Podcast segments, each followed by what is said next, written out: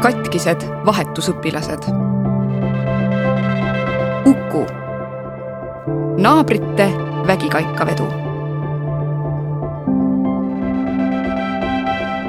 Uku elas aasta Ameerikas väikeses maakohas koos paljude loomadega. loomad ajasid naabrid niivõrd tülli, et erimeelsuste lahendamiseks mindi kohtusse. see tekitas pingeid nii vahetuspere sees kui ka suhtluses Ukuga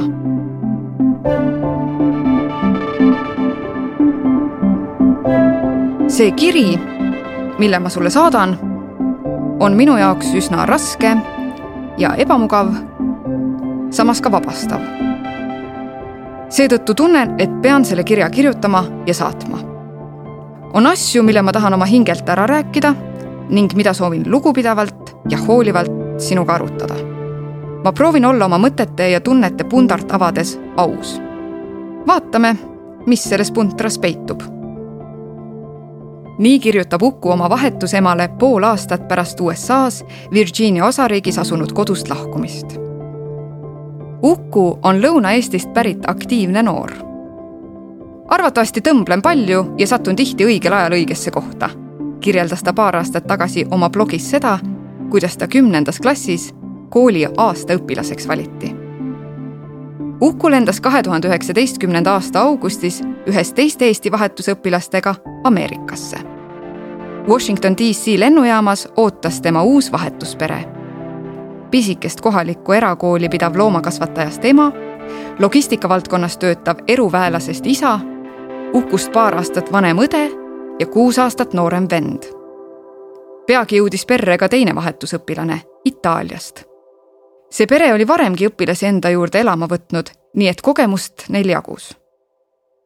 ent see aasta oli teistsugune palju pingelisem. kohtuasi naabritega. Uku vahetusperel oli palju loomi. koerad, kassid, kitsed, kanad, küülikud, haned ja hobused. kahe tuhande üheksateistkümnenda aasta suvel, enne kui Uku Ameerikasse jõudis, kaebasid vahetuspere naabrid, et loomadel pole piisavalt toitu, heina ega vett ning nad näevad väga kehvad välja vahetusema tunnistas, et mõned loomad on tõesti haiged, kuid selle põhjustas halva kvaliteediga hein, mitte loomade piinamine. pere lootis, et erimeelsused saavad peagi lahendatud ja otsustasid ikkagi vahetuspereks hakata. seda enam, et peresid oli väga keeruline leida. Vahetusema rääkis kohtuasjast Ukule enne seda, kui ta USA-sse jõudis ja ütles, et soovi korral võib Uku perest keelduda. mida ta ikkagi ei teinud ma mõtlesin, et Temps on mul loomaarst ja meil siin külas leidub ka igasuguseid hulle, kes niisama kaebavad. muidu tundus äge ja arvasin, et see ei mõjuta väga, meenutab ta. vahetusema mõisteti süüdi ja talle määrati trahv. Ma võin muidugi olla kallutatud, aga ma ei näinud tõesti ühtegi korda, kuidas loomi oleks väärkoheldud. Nad väga austasid loomi, ütleb Uku. sellele vaatamata võeti perelt kohtukorraldusel ära üle kahekümne looma. pingelised suhted. Need sündmused tekitasid pereliikmetes pingeid, mis omakorda kahjustasid pere ja Uku vahelisi suhteid. Enim sai haiget vahetusõde. Ukul oli temaga vahel raskusi. tal oli probleeme enne seda tragöödiatki, tunnistab vahetusema oma vastuses Uku kirjale. aga see tegi talle nii haiget ma ei osanud teda aidata ega tema vahetute emotsioonidega tegeleda. tema sotsiaalsed suhtlemisoskused lendasid aknast välja või siis lahkusid treilerites koos loomadega. jah, ta oli vastik. loodan, et temaga oli kohati ka lõbus. muret tekitas ka suhtlus vahetusvennaga. Uku jagas temaga tuba, mis oli harjumatu, sest Eestis oli tal oma tuba. Nende unegraafikud ei klappinud üldse vend ronis keset ööd voodisse ja magas päeval. Uku aga tahtis vara magama minna, sest pidi koolipäevadel ärkama kell viis viiskümmend, et süüa ja bussile jõuda. ta on kerge unega, nii et venna kõrvaklappide plinkiv sinine turuke ja unes naermine äratasid Uku üles. mingi hetk ma tundsin, et ma olin nii viha täis, et läksin oma asjadega allkorrusele ja magasin seal. sõnab Uku. perele see ei meeldinud. aga Uku ei osanud seda arvata. kohalik tugiisik, kes oli aasta vältel Ukule ja perele vajadusel abiks, rääkis oktoobris Ukuga asjadest, mis perele meelehärmi tekitasid. See tuli mulle ootamatult, et miski on mäda, tunnistab ta. üks neist punktidest oli keldrikorrusel magamine. teine, suhtumine naispere liikmetesse. naispere tundis, et Uku käitub nendega üleolevalt. vahetusema selgitas seda hiljem talle kirja teel nii. mõned asjad, mida sa tegid, olid solvavad ja tundus, et sa ei austa mind eriti. Ma arvan, et see võis olla kultuuriline eripära. mõnedes riikides on naistel kindel roll ja neid koheldakse kindlal viisil toona palus ema tugiisikul sellest Ukuga vestelda, sest kartis, et ise teemat tõstatades ei võtaks Uku teda piisavalt tõsiselt. Uku tõdeb, et ei saanud ise midagi aru. küll aga süvendas konflikt temas tunnet, et tuleb rohkem suu kinni hoida ja kuulata. Enda eest seismine vajus tagaplaanile. süvenev ärevus selle jutuajamise tulemusena tõmbus Uku üha rohkem endasse ja ta ärevus kasvas. veidi pärast seda, kui tugiisik oli temaga neid ema muresid jaganud, läks Uku koos perega välja sööma. vahetusõde tõmbas naljaga Uku nina ees ukse kinni. see oli Uku jaoks viimane piisk. Restoranis olles ta värises ja kokutas. tal oli paanika. ta polnud varem midagi sellist kogenud vahetuspere märkas seda ja palus Ukut, et ta räägiks, mis toimub. aga Uku polnud harjunud oma tundeid jagama.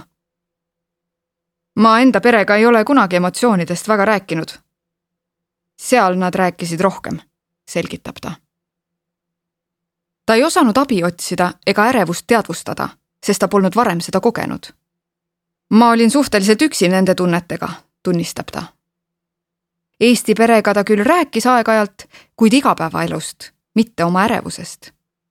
ta ei tahtnud ka eestlastest sõpradega liialt kontakti hoida, sest tundis, et neil on oma elu ja ta peab nautima vahetusaastat. ajavahe ja füüsiline eraldatus muutsid olukorra veelgi keerulisemaks. ka ameeriklased ei olnud suureks toeks. Vahetusperele Uku oma vaimset koormat eriti ei avanud. ka tugiisikule ei kurtnud sest tugiisik oli vahetusema hea sõber. nii et Uku ei teadnud, kas tema mured lobisetakse edasi. tugiisik küsis Ukult Facebooki vestluses korra kuus, kuidas tal läheb ja mida ta vahepeal teinud on. ent see vestlus jäi üsnagi pinnapealseks. üksildus koolis. tunnid algasid juba kell seitse kolmkümmend. Igal hommikul otsiti kõikide õpilaste kotid läbi ja kooli tuli siseneda läbi turvaväravate nagu lennujaamas. koolis valitses terve rida rangeid reegleid. Telefonid, kõrvaklapid ja nutikellad olid mõnedes tundides küll keelatud, aga kool andis igale õpilasele oma arvuti. niisama koridorides ringi kolada ei tohtinud. tunni ajal klassiruumist väljumiseks oli vaja eraldi kirjalikku luba ning söögivahetunnis pidi kellahelinani sööklas püsima. isegi joogipudelitele olid nõuded. Need pidid olema läbipaistvad ja kooli tulles tühjad. kooli õppekvaliteet oli võrreldes Eestiga madal. Uku ütleb, et tal oli tunne, nagu oleks olnud taas põhikoolis. algul oli tal koolis raske sõpru leida. ma arvan, et üks ärevusele kaasaaitaja oli sotsiaalne üksildus, mida ma ei oodanud. Eestis enne ja praegu on mul kogu aeg sõpru olnud. Läksin gümnaasiumisse ja päris kiiresti tekkisid uued sõbrad, nendib ta koolikaaslastega oli päeva jooksul raske suhelda, sest vahetunnid kestsid vaid mõne minuti, mille jooksul jõudis vaevalt ühest klassiruumist teise minna. keset koolipäeva oli neil umbes pool tundi, mil abituriendid said niisama olla ja soovi korral sporti teha. kuid nooremad pidid valikainetes käima või õppima. Uku oli üheteistkümnendas klassis ja käis sel ajal debateerimas ent see oli tema sõnutsi üsna mõttetu, nii et ta rääkis koolitöötajaga läbi, et võib selle aja koos abiturientidega veeta. siis me saimegi kossu mängida ja paremini sõbruneda. see oli hästi tänuväärt aeg, sai rohkem kontakti luua, sest kus sa mujal lood, räägib ta. uuel aastal ja eriti kevade poole tekkis tal rohkem sõpru. Vahetusõpilastele soovitatakse koolisporti teha just sõprade leidmiseks. ka Uku proovis erinevaid spordialasid, kuid ta polnud piisavalt järjekindel ja tahtis üksinda trenni teha. paar päeva käis ta Ameerika jalgpallis ja veidi pikemalt mängis korvpalli. korvpallitrenni katkestamist ta kahetseb, seal oleks saanud rohkem sotsialiseeruda. kevadel proovis ta aga pesapalli ja osales isegi võistlustel. lootustandev kevad. Ukul olid kooliväliste tegevuste suhtes kahetised tunded ta ei tahtnud perele lisakoormust peale panna sellega, et teda on vaja kooli ja kodu vahet sõidutada. kevade tulekuga läks elu lahedamaks. Uku mängis pesapalli ja ees ootasid võistlused. lisaks osales ta kahes vahetusõpilastele mõeldud nädalapikkuses laagris, kus sai teistest riikidest pärit noortega suhelda ja uusi linnu avastada. Vahetuspere tahtis kevadel lõunaosa riikidesse reisile minna. Uku usub, et reis oleks olnud vahva ja nad oleksid saanud omavahel põhjalikumalt rääkida. ta tunneb, et sai kevadel perega paremini läbi. aasta lõpupoole ma õppisin kas rohkem enda eest seisma või naljaga võtma tögamisi, mis neile oli normaalne, nendib ta. ka vahetusema ütles vastuses Uku kirjale, et Uku mõtleb üle ning rõhutas, et kõik väikesed veidrused, mille pärast noormees põdes, ei ole üldse tähtsad ja on ammu unustatud ema kirjeldas, kuidas kevad oleks pidanud olema aasta parim aeg. tavaliselt käivad nad soojade ilmadega matkamas, telkimas ja paadiga sõitmas. lisaks on nad iga kord oma vahetusõpilase enne ärasõitu reisile viinud. Nad käisid paaril korral küll süstadega sõitmas, aga suurem osa lõbustustest pidi Ukut alles ees ootama. Ent koroona nurjas plaanid ja Uku pidi aprilli alguses tagasi Eestisse tulema mul on hea meel ikkagi, et ma käisin, tõdeb Uku. ta kirjutab vahetusemale, et arenes selle aasta jooksul meeletult ning on perele tänulik, et nad ta enda juurde elama võtsid. kurbade hetkede kõrval oli ka palju toredat. filmiõhtud, väljas käimised, niisama õues töötamine ja omavahelised naljad.